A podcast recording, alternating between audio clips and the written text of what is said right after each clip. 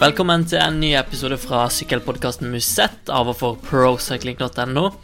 Paris-Nice og Treno Adriatico er overstått, eh, og vi nærmer oss med stormskritt eh, sesongens første monument, Milano San Remo.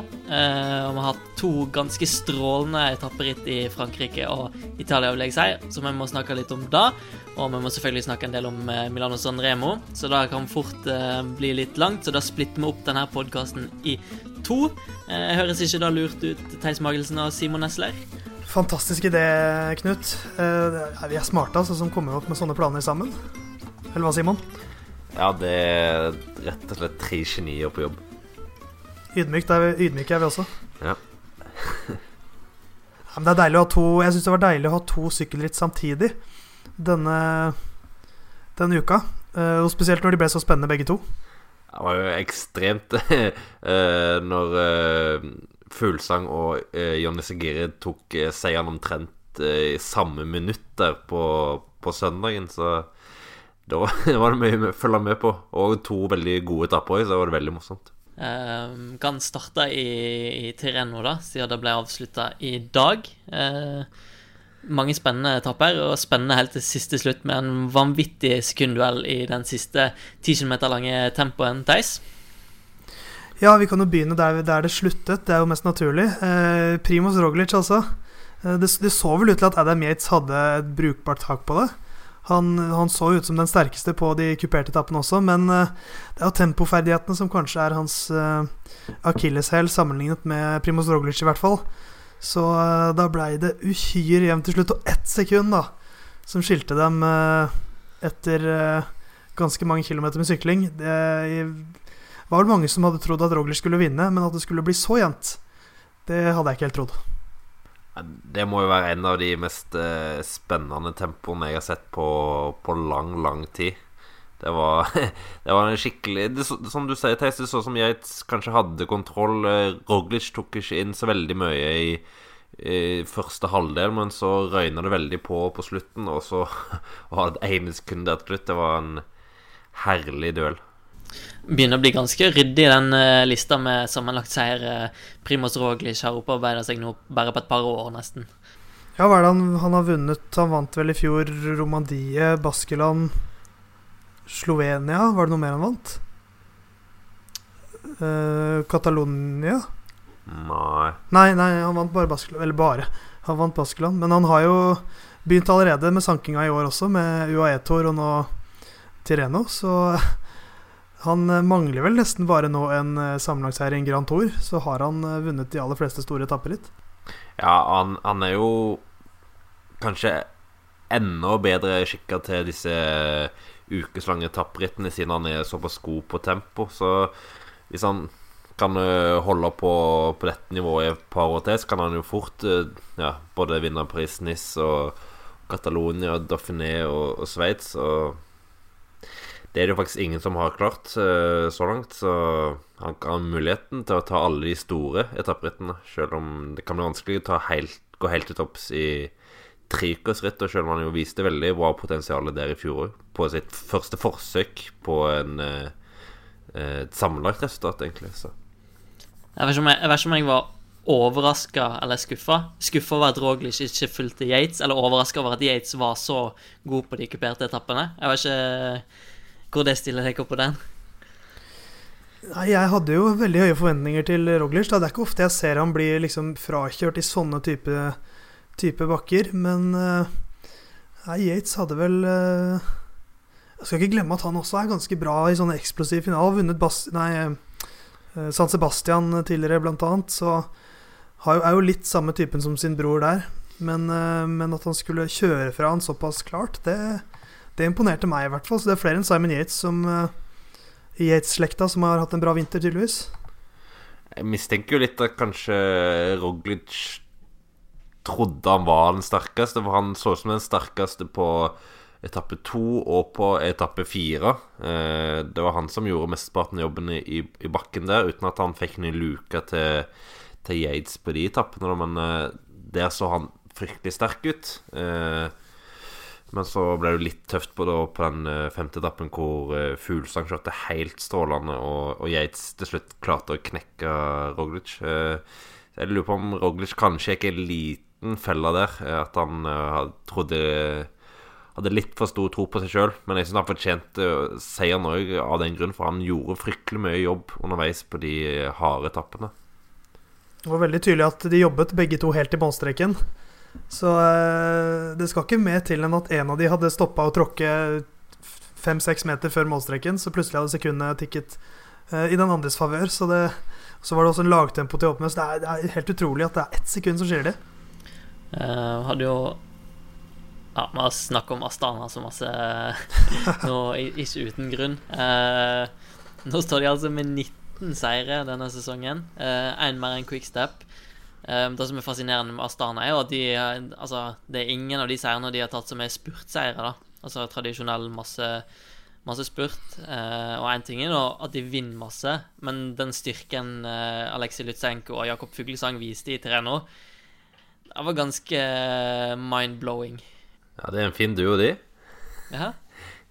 De utfyller jo hverandre strålende, og Fuglsang er jo opplagt i strålende form. Han var jo han ble to, nummer to i Strade Bianche og fortsetter her etter en strålende sesonginnledning for han òg. Og Lutsenko har jo raska med seg seier gjennom eh, våren, han òg. Så hele laget er jo bare i en form som er helt hinsides, egentlig. Den, den seieren til Lutsenko da, på, på fjerde etappen der Vi kan jo ikke ikke nevne hva som skjedde der. Hvor han uh, ligger alene i fronten, og så kjører han inn i en skrent i en uh, utforkjøring. Uh, må stoppe opp, men blir ikke stort, store skader av det. Har vel Roglic, Yates og, og Fuglsang jagende bak seg. Så kommer han inn mot siste, siste stykke, og så svinger han mot venstre, og så velter han igjen.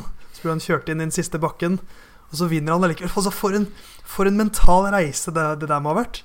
Han så jo helt kjørt ut da han kom i mål, det skjønner jeg godt. Fordi han må jo ha tenkt nei, faen, nå ryker det så mange ganger. Ja, det var litt sånn uh, Iljo Kaiser Light-greie. Jeg tenkte akkurat på det.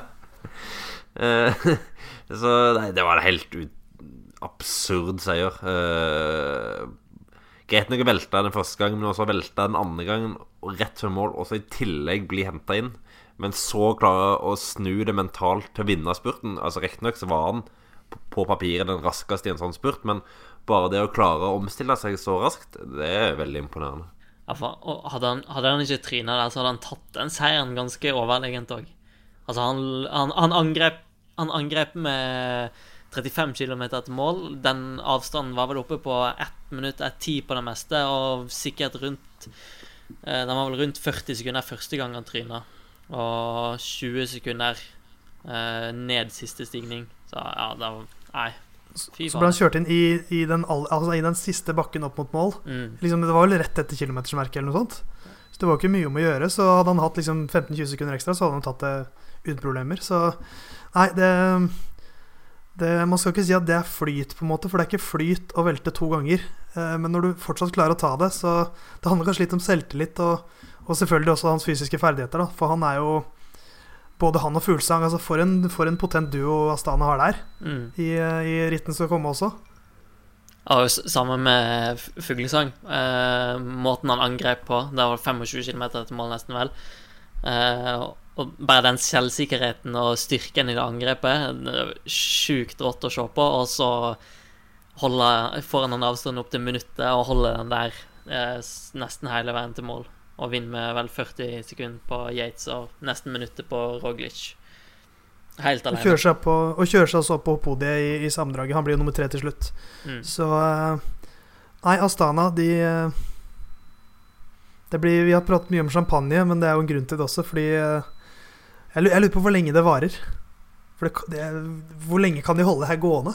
Når Ja. Grand Tour-sesongen begynner, da er jeg spent på hva som skjer. Jeg tror jeg nevnte det i en av podene våre når de hadde sånn ti seire eller noe sånt. At de åpenbart er i veldig god form veldig tidlig. Eh, Og at jeg mistenkte at eh, de andre lagene kom til å komme litt rundt i når, når sesongen virkelig dro seg til. Men eh, det, har- bare gått omvendt. At Astana har kneppa til enda et hakk. Ja, Som du var innom òg, Theis, eh, eller Knut, nå ble jeg usikker. Det skal være veldig spennende å se Lutsenko og Fuglsang videre òg, for nå, nå dropper jo Lutsenko både San Remo og Brosens-klassikerne for å kjøre denne klassikeren. Og der har jo òg Fuglesang normalt sett uh, kjørt i hvert fall Amstel og Liège. Så vi får nok se de der òg, i aksjon sammen. Uh, og ja, når de leker seg med mange av de navnene som, som tross alt var på start her i Triana Adriatico, så er det jo ingen grunn til at de ikke skal være veldig høyt oppe i av denne klassikerne hvis de kommer inn noe som ligner på samme form.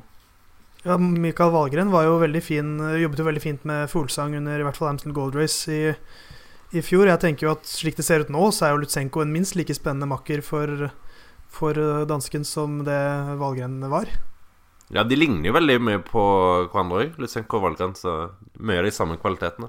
Uh, som nevnt, Astana 19 seire, Quickstep uh, 18. Um, kom tre quickstep-seire i Tireno Adriatico òg. Uh, to til Julian Alaphilippe, så på ja, merkelig vis vant en masse spurt.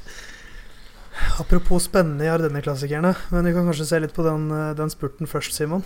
Det var rare greier. ja, det var rare greier. Uh, jeg, jeg, gikk vel for Alaphilippe som seierstipset mitt her før Tena Diatico. Han klarte ikke å henge med de beste i de tøffeste bakken, men han viste god hurtighet, i hvert fall. Den, den, spurten er veldig merkelig, da, for uh, den lider nok litt av at du i Trener Adriatico hadde egentlig tre kandidater i, i spurten, med Sagan Gaviria og Viviani. og når da Gaviria av diverse grunner var sporløst forsvunnet, og Sagan var satt litt i dødens, og så var han i retur, og så valgte Viviani ta hjulet hans, sånn at begge plutselig var i en dårlig posisjon. Så satt jo alle Filip der. Han hadde eh, De hadde jo kjørt gjennom den finalen to ganger før. Og det er en 2 i snitt den siste kilometeren. Det, det, er ikke bratt, men du merker det. Og jeg som Mørkøv sa til dansk TV 2 at eh, det var Når de kom eh, gjennom der, så sa Vivian at det var litt mer bakke enn han hadde trodd. Uh, og det, det hjalp nok utvilsomt Alfa-Lipp, men det er jo først og fremst et veldig bra opptrekk. Uh, de får jo luka fordi Tosh van der Sande kollapser bak, uh, bak Alfa-Lipp, og så må van Avermat gå rundt Mørkøv som blokk i midten. Så plutselig får du 10-15 meter luka. Da, da holder du helt inn når du har de fartsressursene til Alfa-Lipp. Men det er en veldig merkelig spurt å se tilbake på. Ja, det, gikk, det så ut som alt bare gikk i slow motion de siste 150 meterne. Det er et veldig rart opptrekk òg, for Mørkøv kom til front med kanskje 500-600 meter igjen.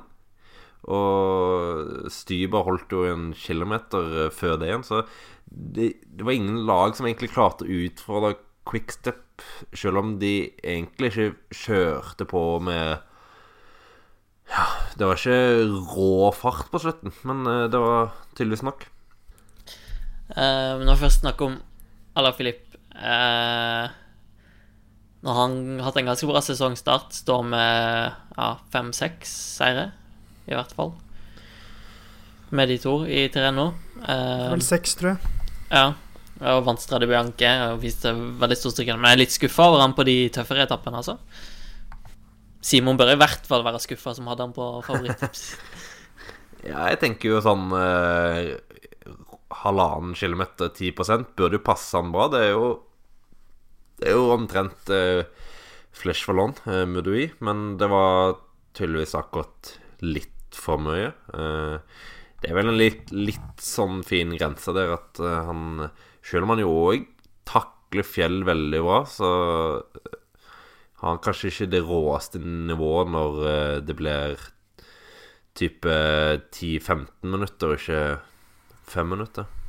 Så er det vel kanskje om en, en måned cirka, da, at han satser på å være i sitt aller beste slag når denne klassikerne kommer. Så, og så har han jo klart å raske med seg seks seire allerede, så jeg tror ikke han stresser så veldig over det. Å bli nummer seks i sammendrag eller hva det var han ble til slutt, det er ikke noe krise. Så så det er jo Jeg syns jo det er lovende sesongstart av Ala Filip. Absolutt. Men han, han, har gått ganske hardt ut og sagt at han satser på Milano San Remo. Da. At det er ja, kanskje hoved, hovedfokuset hans denne våren. Klarte å spurtslå Peter Sagan, da, i hvert fall. Selv om det ja. jo var en veldig veldig, veldig rar spurt. Så Men det kan skje mye rart i Milano San Remo også, så Ja, han har vært nærme før, da. Ja, det har han. Det har han. Så nei, han er absolutt en mann å se opp for det.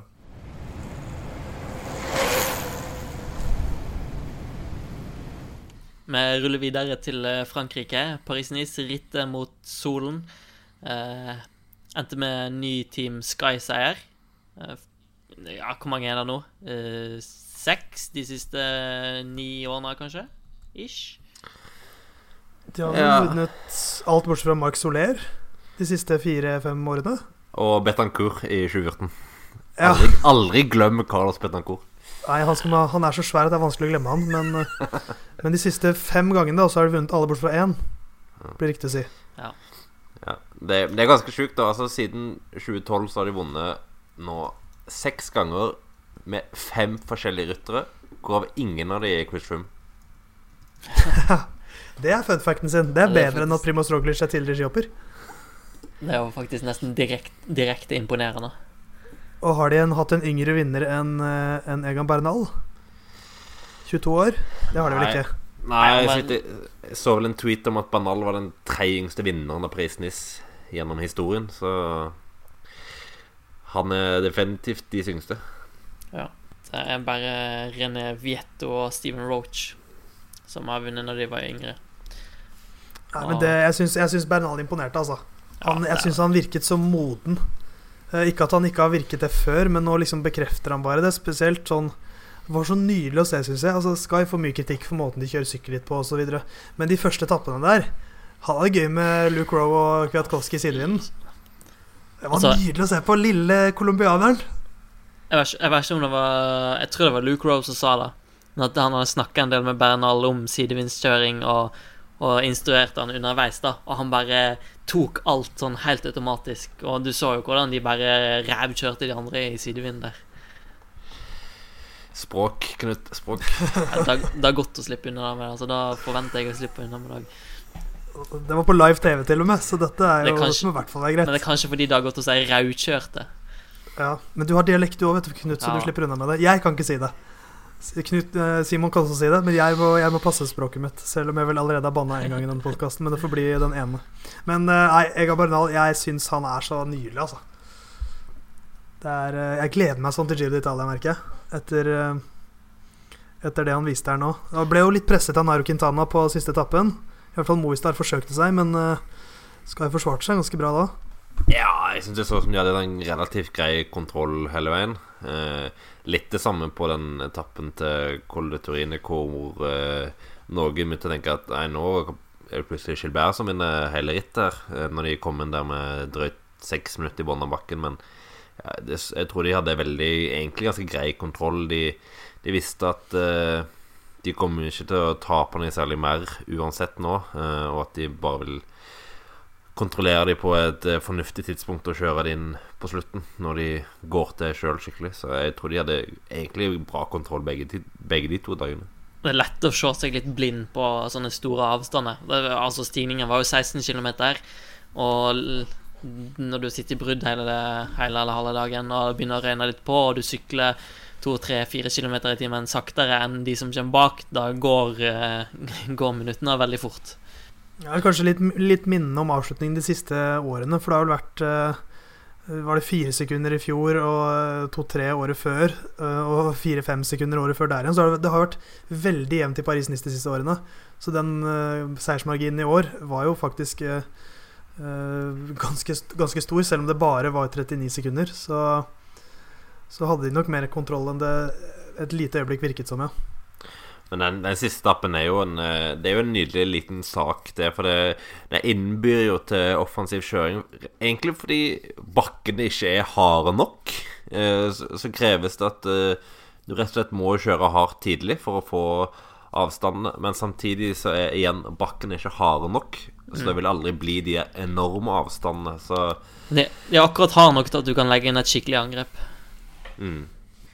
Men eh, absolutt en veldig fin utgave av Paris-Nice. Eh, Veldig Man går fra å ha ekstreme klassikerlignende etapper med masse, masse vind, til, til de rene fjellene på slutten med en tempo inni der.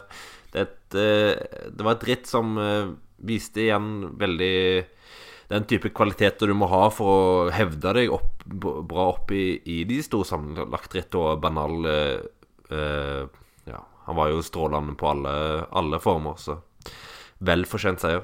En slags Altså, nå var markerte Bernhard seg ganske fint, da, men sånn eh, resultatmessig så er det en litt sånn slags à la Subeldia-seier på Egan Bernhard. Perfeksjonert eh, Subeldia. For det beste etapperesultatet hans er sjetteplass på, på tempoen, og på de tre siste så var han 10, 14 og 19. Jeg har ikke jeg sett Superlia Subeldia kjøre sånn i sidevinden, altså. Nei, det, altså, og det er, det, er jo viktig aspekt. Det er veldig viktig. Og det var en del innlagte spurter her hvor han tok noen bonussekunder Ja, osv. Så, videre, så, så Men jeg er enig i at i fjellene så var det jo ofte litt andre ryttere som stjal, stjal showet litt. Men Mm. eh, Men det er, Men, altså, eh, ve veldig klok kjøring, da. Det var veldig moden, som du sa i starten, og derfor han vinner. Altså, uten å gjøre noe veldig spektakulært, så tar han den seieren. så det tyder på at eh, ja, for, Apropos eh, samlinga som eh, Roglic har. Det er jo en brukbar samling han har etter hvert, Egan Bernal også, med Colombia Areo Pass, eh, Tour California, Paris-Nice, og han er bare 22 år gammel. Og to i eh, Romandie òg ja, ikke sant. Så, og han var jo veldig nære en Nei, ble nummer to, i er bak Roglic. Ja. Eller? Men han, var, var, var, ja, han har jo vært veldig langt framme. Han var jo veldig nære en podieplass i Catalonia også.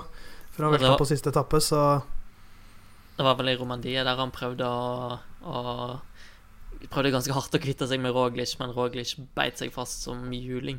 Mm. Men det er litt interessant med Bernal. Det er ganske bra hype rundt han nå. Eh, og ja, de fleste virker å like han. Men jeg er litt spent på hvordan det blir et, hvis han vinner 4-5 Tour de France på, på rad etter hvert. hvordan det blir. For Chris Froome var ganske bra digga i 2011 når han kjørte eh, ekstremt offensivt i og hadde en duell med Kobo. Eh, og så var han jo sånn eh, eh, Villain når eh, han sykla mot eh, Wiggins i Tour de France i 2012. Da var han jo ganske godt likt, men det snudde jo ganske fort her, da. For du sier sykla mot Wiggins. Ja. Forsiktig med ordvalgene der. ja Men, ja, ja, for jeg-. Jeg, jeg, det er for så vidt interessant. Altså, de som vinner, dominerer, de vil jo alltid bli mislikt til en viss grad. Men jeg, er, jeg tror nok det er noe for folk flest noe litt mer sånn sympatisk, på en måte. Og så er det nok litt en- mystisk òg. Ja, eh, altså Quintana er jo folk gærne etter. Nå ble jo han aldri Eller ble aldri, jeg våger meg til å si det. Den store Grand Tour-dominerende skikkelsen som Froome har vært. Men, eh, men Bernal er jo noe litt annet enn Froome. Uh, Froome fremstår jo litt robotaktig og litt sånn Ikke sånn sånn jeg, jeg tror nok de, de litt mer sånn gammeldagse sykkelfansen lar seg sjarmere litt lettere av en ung colombianer som klatrer sinnssykt bra og har gjort det hele karrieren sin. Det er jo litt den der form... eh, hva skal man si, karrierestigen til Froome som folk misliker også. Mens eh, Bernal har på en måte gått litt gradene mer, vunnet Tour de l'Avenir, gått gradene, vært liksom en hjelper i Tour de France, og så får han sjansen sin nå. Så jeg tror det, han, han kommer med litt andre kort enn Froome, føler jeg. Ja, han fremstår litt mer som sånn utenomjordisk naturtalent som ikke er pro produkt av et maskineri, da. Så ja. Og så er det hele den liksom colombianske entusiasmen han bringer med seg med de fantastiske colombianske sykkelkommentatorene og de gærne fansene under Tour de France, som er liksom noe helt annet enn den britiske brexit-banden. Så, så jeg, jeg tror ikke han vil bli mislikt på samme måte. Eh, Men nå får vi se da når han vinner sin femte Tour de France, som jeg bommer helt. Det er det fullt mulig at jeg gjør.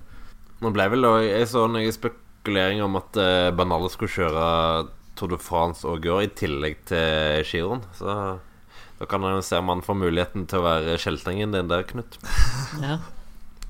Jeg kan ikke se for meg at, han, at det bor så mye vondt i han heller, men jeg har brent meg på den noen ganger. Bak enhver toppidrettsutøver så er det en liten kyniker også, så han er nok ganske bevisst på hva han vil.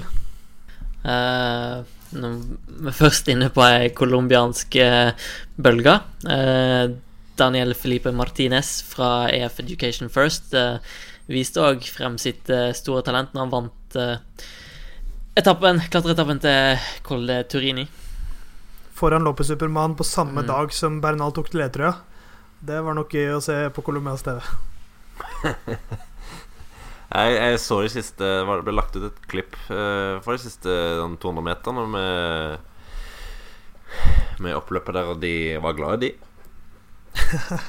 og han har jo også hatt uh, en nydelig utvikling. Ble colombiansk tempomester i år. Ble vel nummer tre i uh, Colombia 2-1. Og uh, vant en Tok sin første virkelig store seier nå i, i Paris-Nice. Så også bare 22 år gammel, så litt varr på EF Education. Han var jo veldig på gang i fjor, eh, rundt disse tider. Han kjørte vel tre Adriatico eller Catalonia og gjorde det bra der, men så 20 i Catalonia. ja, så ble han vel påkjørt, tror jeg. Tror han ble påkjørt uh, på, i trening. Uh, og så satte han litt tilbake, men eh, han har jo egentlig vært nå i, i, i sirkus en stund, for han har jo gått veien gjennom Italia i, i noen år. Og han ser jo veldig veldig spennende ut nå. Han, han kan sykle tempo, han kan sykle fjell.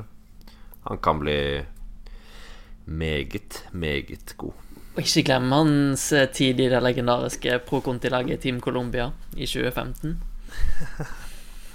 Nei, men så Apropos Colombia, han er jo litt under, under vingene til Rigoberto Uran også i, i Education. Sikkert et fint sted for han å være. Eh, for det er jo, er jo, faktisk Uran som er liksom stjerna og ledestjernen for mange for colombiansk sykkelsport. Har vært veldig lenge. Så det er mange som ser opp til han. Han er en veldig stor, stor stjerne i Colombia. Så jeg tror ikke det er noe vondt sted for han å være heller. Nei, de er gale etter eh, Uran i, i Colombia. Eller Mick Jagger, som han uh, også er kjent som. Men uh, ja, det er ganske heftig, den uh, colombianske gjengen. Noe med uh, Martinez, Bernal, uh, Sosa, Ivan Sosa og uh, Lopez Superman. Lopez Superman. De er ganske unge, hele gjengen, så det kan bli ganske masse colombiansk det neste tiåret. Kanskje Colombia blir de mest forhatte aktøren i sykkelsporten. Ikke Team Sky, men uh, Colombia som nasjon.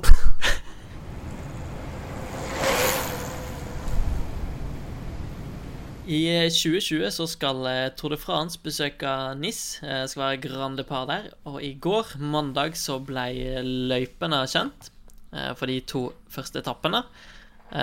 Og de er intet mindre enn rimelig tøffe.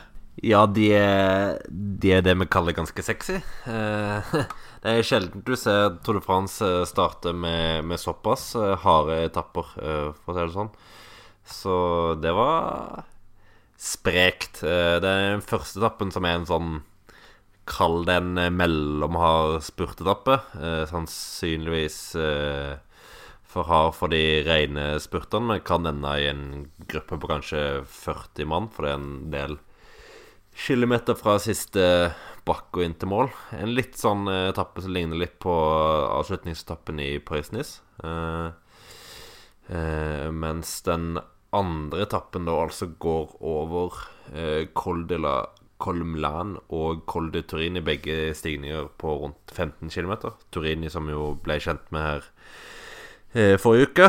Eh, før de går inn til NIS og kjører over eh, de to siste bakkene som brukes på den uh, siste etappen i Paris-Nice, Så det kan bli en, en, spennende start. Du må i hvert fall være i, i toppform fra start, tror jeg, for du kan ikke komme inn i å være 90 de eh, første to dagene for da taper du mye.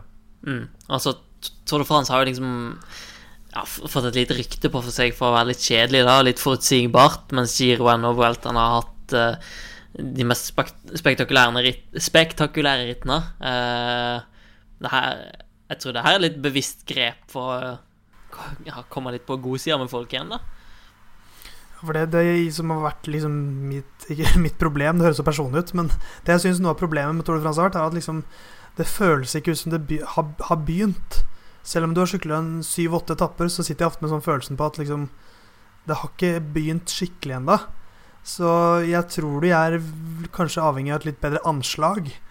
Og liksom få starte med et bang. Og disse to etappene er jo noe helt annet. Det er jo eh, Sammenlagtrytterne må være på fra dag én. De kan ikke bare sitte og hvile seg på flatene. Så eh, nei, det er et godt grep, tror jeg. Mm. De har jo prøvd litt med brosteinsetapper og, og sånt, men de har jo liksom ikke fått helt den effekten de ville i fjor. Så satt jo så godt som alle eh, sammenlagtfavorittene med hovedgruppa på den bostedsetappen. Men her så er jo på det Altså, den første etappen Skipskytter har noe å si sammendraget, men sånn for etappen og generelt, så går det jo rett inn i en seig, slak, lang bakke, eh, der det blir Ja, jeg antar det blir båndkjør fra, fra starten av, og så et lengre flatt parti, ny bakke, flatt parti, og så en ny, tøff, lang eh, bakke mot, mot siste halvdel av etappen, da. Eh, så den første etappen blir jo smekk, smekk, bang, bang. Ja, For jeg, jeg syns jo de bomma litt med fjorårets utgave, for da var det etappe åtte eller ni som var brosteinsetappen. Det var ni. Ja, og det, var- det var vel ikke noen sånn skikkelig fjelletappe, det var litt stigninger her og der. Men jeg satt liksom og Jeg syns den, den brosteinstappen overskygget alle de åtte første etappene. For alle Ja. sammenlagtfavorittene satt og liksom var nervøse og ventet på det. Mens nå får vi en helt annen dynamikk helt fra starten. Så jeg tror dette er et, gre et smartere grep, og brosteinsetapper blir alltid litt annerledes i, i Grand Tour sammenlignet med i klassikerne uansett. Det blir en helt annen dynamikk og mentalitet man kjører med, så Mm. så jeg tror det er et smartere grep å ha en tidlig sånn kupert etappe som ikke er en fjellfinish. Uh, så jeg, jeg liker det her mye bedre. Ja. Hadde vel Mur-Bretagne på femte eller sjette etappe. Det eneste som skjedde var, der, var jo at Dummerland punkterte og tapte litt tid, og så var det litt små luker. Mens alle gikk jo bare og snakket om hvor avgjørende den brosteinsetappen var, og hvor masse brostein det var. ja. Så er jeg veldig enig med deg, Theis. Litt av poenget i fjor var jo å, å få vind, da. Og den vinden kom aldri. Du kjørte jo hele Ja. første uke omtrent ute ved kysten, eh, men så var det nada action i vinden. Eh, Og de var jo lagt opp til en litt sånn klassikeruka med, ja, med brostein på slutten, og så Murdebetan, og så den eh, etappen til Kimper, eh, som jo var relativt kupert gjennom hele dagen i sånn typisk ploé-terreng, og med en tøff avslutning. Men det endte jo opp med å være lite vind og bakkeavslutning skilte ingenting, og brostein skilte ingenting. Og da var det plutselig en liten eh, bom. Så det er nok mye sikrere å gjøre det sånn, for nå vet du at du får action fra første sekund.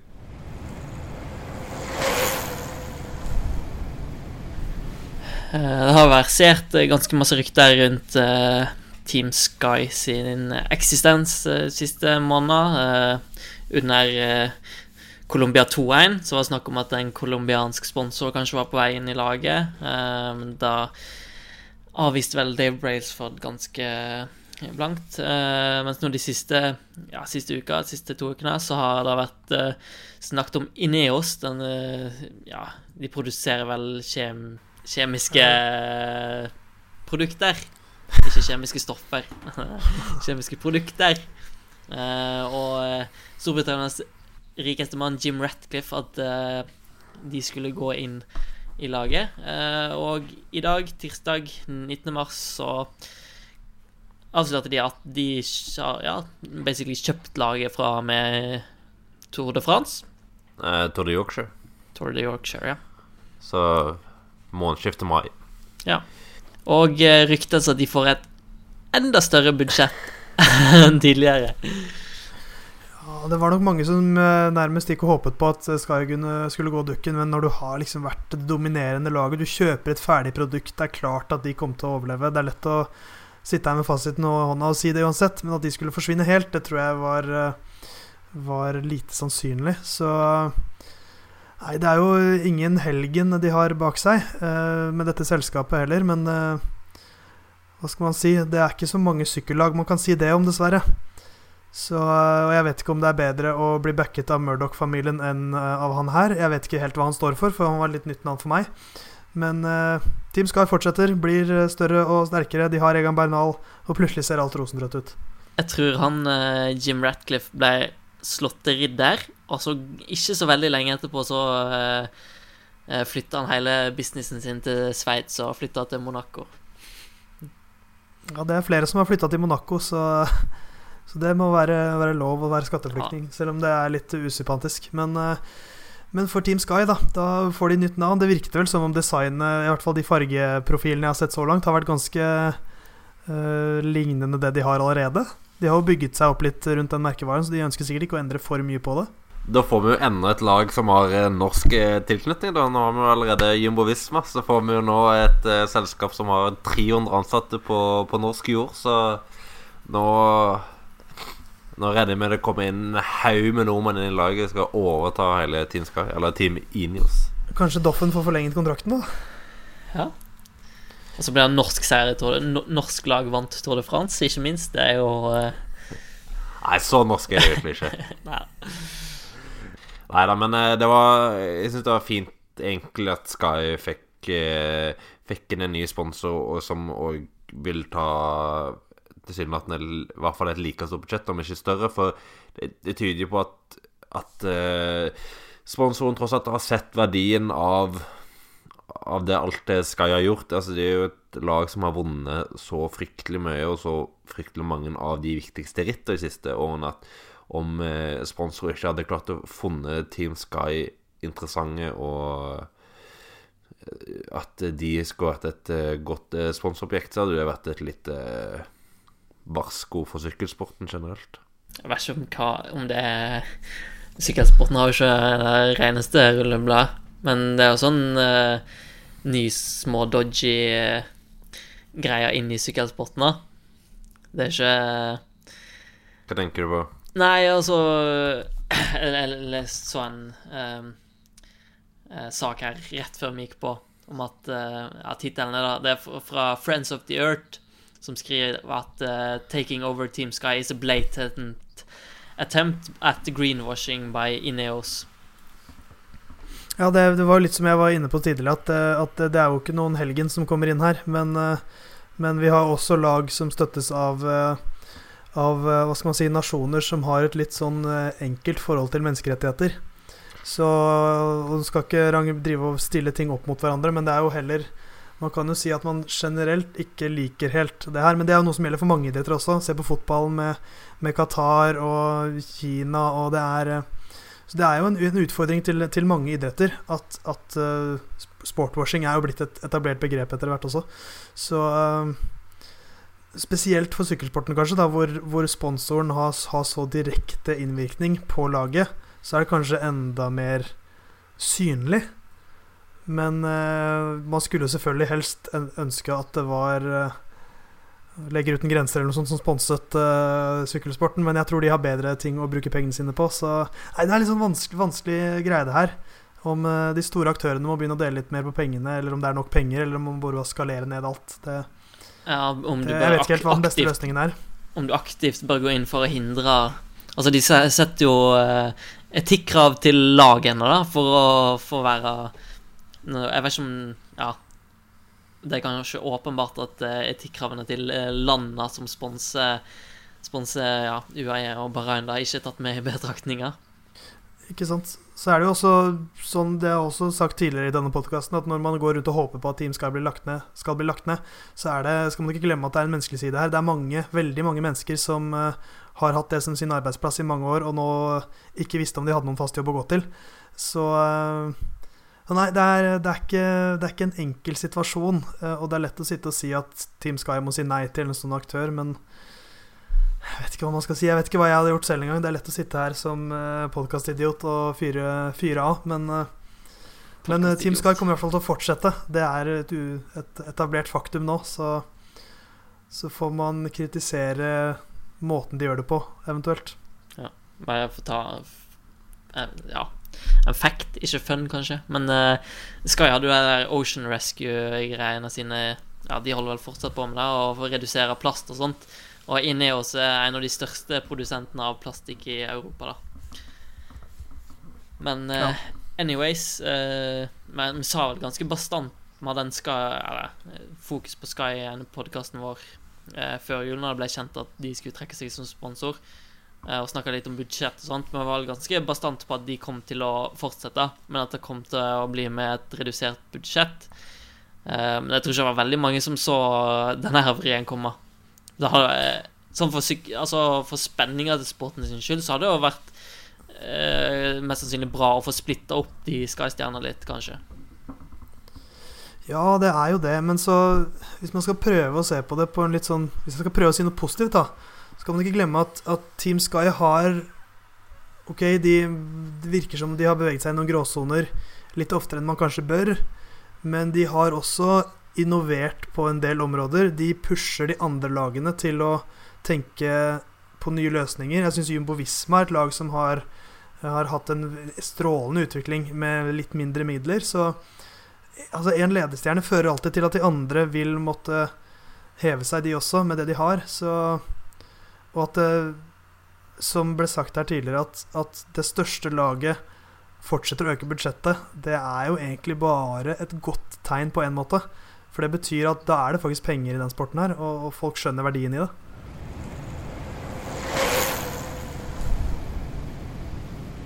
Vi spinner videre på lette gir til eh, spalten vår Den norske sykkeluken, hvor vi tar ja, norske sykkelrelaterte nyheter som ikke har falt naturlig tidligere segmenter. Eh, har ikke vært så voldsomt masse å, å skrive om siste uka, men eh, Team Coop var ganske bra i Kroatia.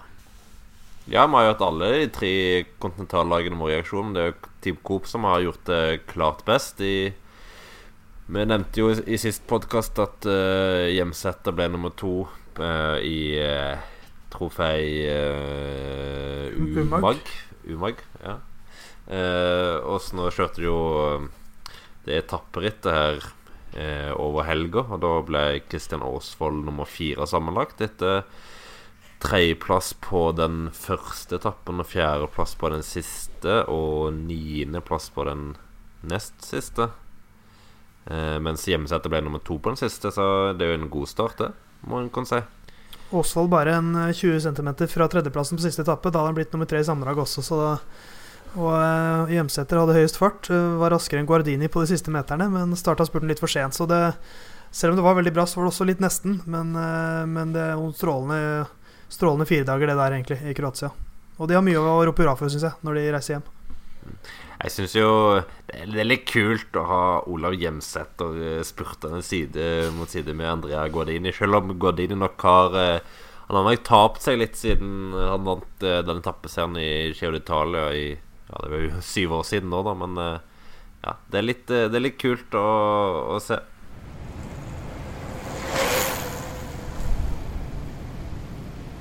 Vi begynner å dra oss mot slutten i eh, denne episoden, men vi skal innom Lantaine Rouge og det røde startnummeret. Og jeg tenkte vi kunne begynne med å gi litt hyllest, altså et rødt startnummer. Og Simon, den oppgaven er din eh, denne uka. Eh, takk. Eh, da går jeg for en person som jeg alltid har vært eh, Har vært ganske svak for, men som hadde et veldig dårlig år i fjor. Litt prega av skader og nytt lag og litt sånt. Eh, men eh, i år, eh, eller i Tirena Adriatico, har han virkelig begynt å vise veldig god form igjen. Jeg snakker selvfølgelig om vår kjære italiener Alberto Bettiol, som altså ble proff i, i Kendale, men som var innom BMC i fjor, hvor han skulle være en løytnant for, for Greg van Armat i klassikerne, men endte opp med å ja, krasja ut tidlig og hadde en ganske dårlig sesong. Men uh, i TNA Teatro i år så var han strålende. Eh, Tredjeplass på den første fellesstartetappen bak eh, Bak eh, Ala Filippo van Avermatt i en eh, motbakkespurt, hvor han egentlig var eneste som var i nærheten av å følge. Og så eh, sjetteplass igjen på den etappen som Lutsenko vant, hvor han da var nummer to av de rytterne bak de fire rytterne som var de klart sterkeste i bakkene. Og så en særdeles overraskende andreplass på avslutningstempoene foran eh, navn som eh, ja, Johs van Emden, Tom Dumoulin, Rowan Dennis eh, ja, Mange, mange gode temporyttere. Så tommel opp for Betty Holm. Absolutt. Eh, han er jo en herlig rytter, offensiv type. Uh, og jeg, som kjent fra tidligere podkaster, så er jeg jo litt svak for EF Education First, eller Cannondale uh, Garmin, som det tidligere har vært. Jeg var skikkelig skuffa da han dro fra, fra Ja, det heter vel Cannondale, da, sikkert? Til uh, Til BMC, ja. Til BMC. Ja. men nå har han uh, sykla for EF i fjor òg, og nå er han virkelig tilbake i form, og det er veldig gledelig å se. Har jo slitt litt de siste årene. Ja, han kom jo, han kom jo hjem. Uh, når han dro til BMC, så var det vel Det var vel i høsten 2017 der hvor, uh, hvor Kendale var ute og jakta til sponsor. Og så går han til BMC, og så stenger de ned igjen med en gang igjen. Så nå har han vært eh, gjennom litt sånn to turbulente eh, sesonger av den grunn. Men uh, nå er han tilbake der han uh, hører hjemme, da- nå har han funnet formen igjen. Det virker som om det er litt sånn Hva skal man si, en ny vår for, for EF. Ikke bare hvis man ser på kalenderen, men også hvis man ser på måten de presterer på. For nå har de seks seire. Den seieren til, til Martinez var deres sjette for sesongen, og de hadde seks seire i hele 2018. Så Og det er en del spennende ryttere her også, og han er jo bare en av dem. Så et lag som virker å være litt på bedringens vei etter et ganske begredelig 2018, egentlig.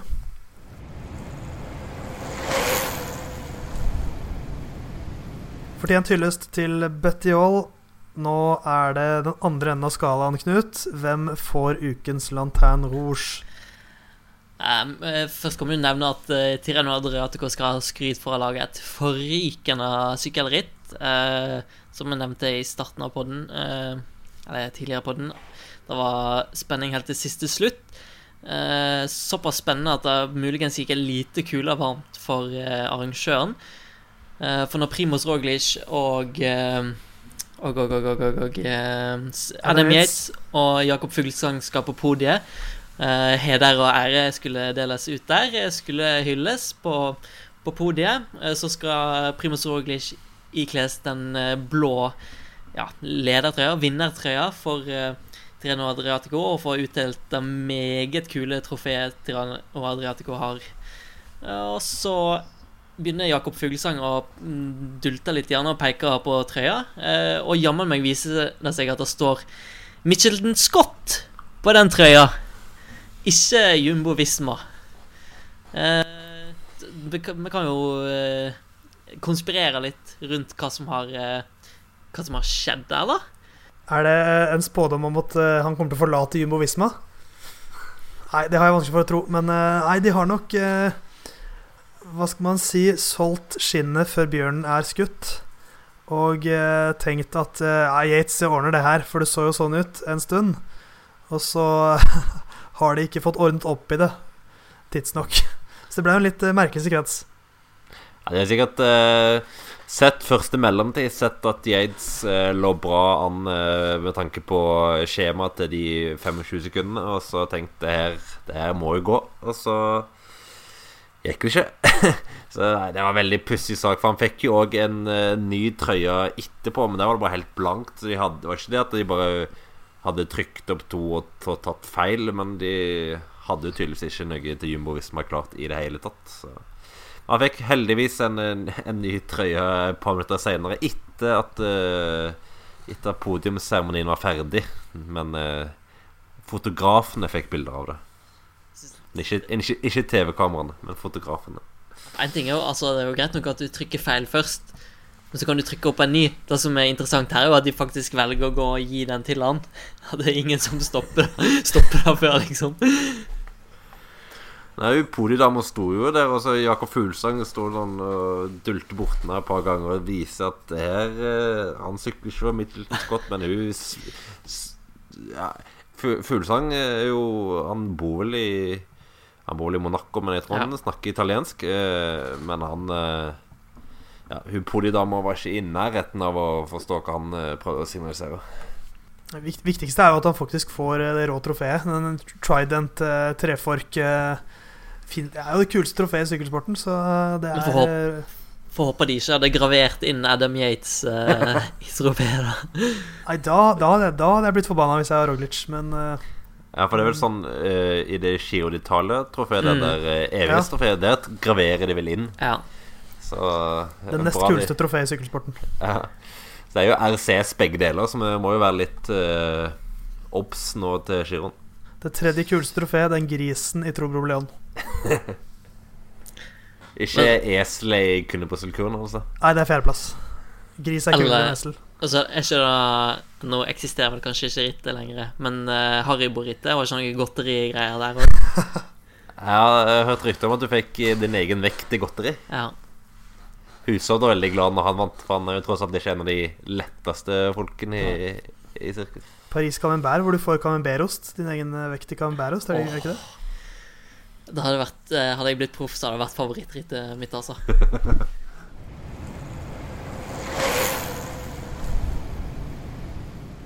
Da var vi gjennom podkast del én i uke tolv. Så kommer det en eh, del to litt eh, nærmere lørdag foran Milano San Remo.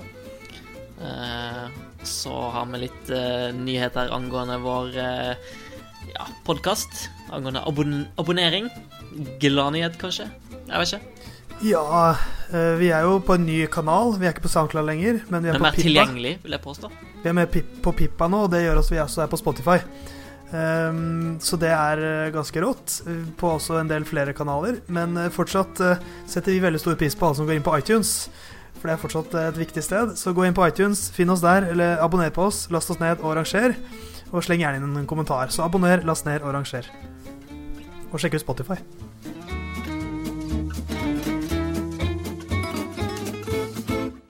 Men eh, altså, Roglish For det første, når han smiler, så ser det sånn ofte veldig påtatt ut. Og når han ikke smiler, det ser det ut som om han skal drepe alle rundt seg. Men eh, jeg vet ikke om du visste det, Knut, men han, er, han var skihopper før. Ja, Og du må være litt gæren i huet for å drive med skihopping. ja klart.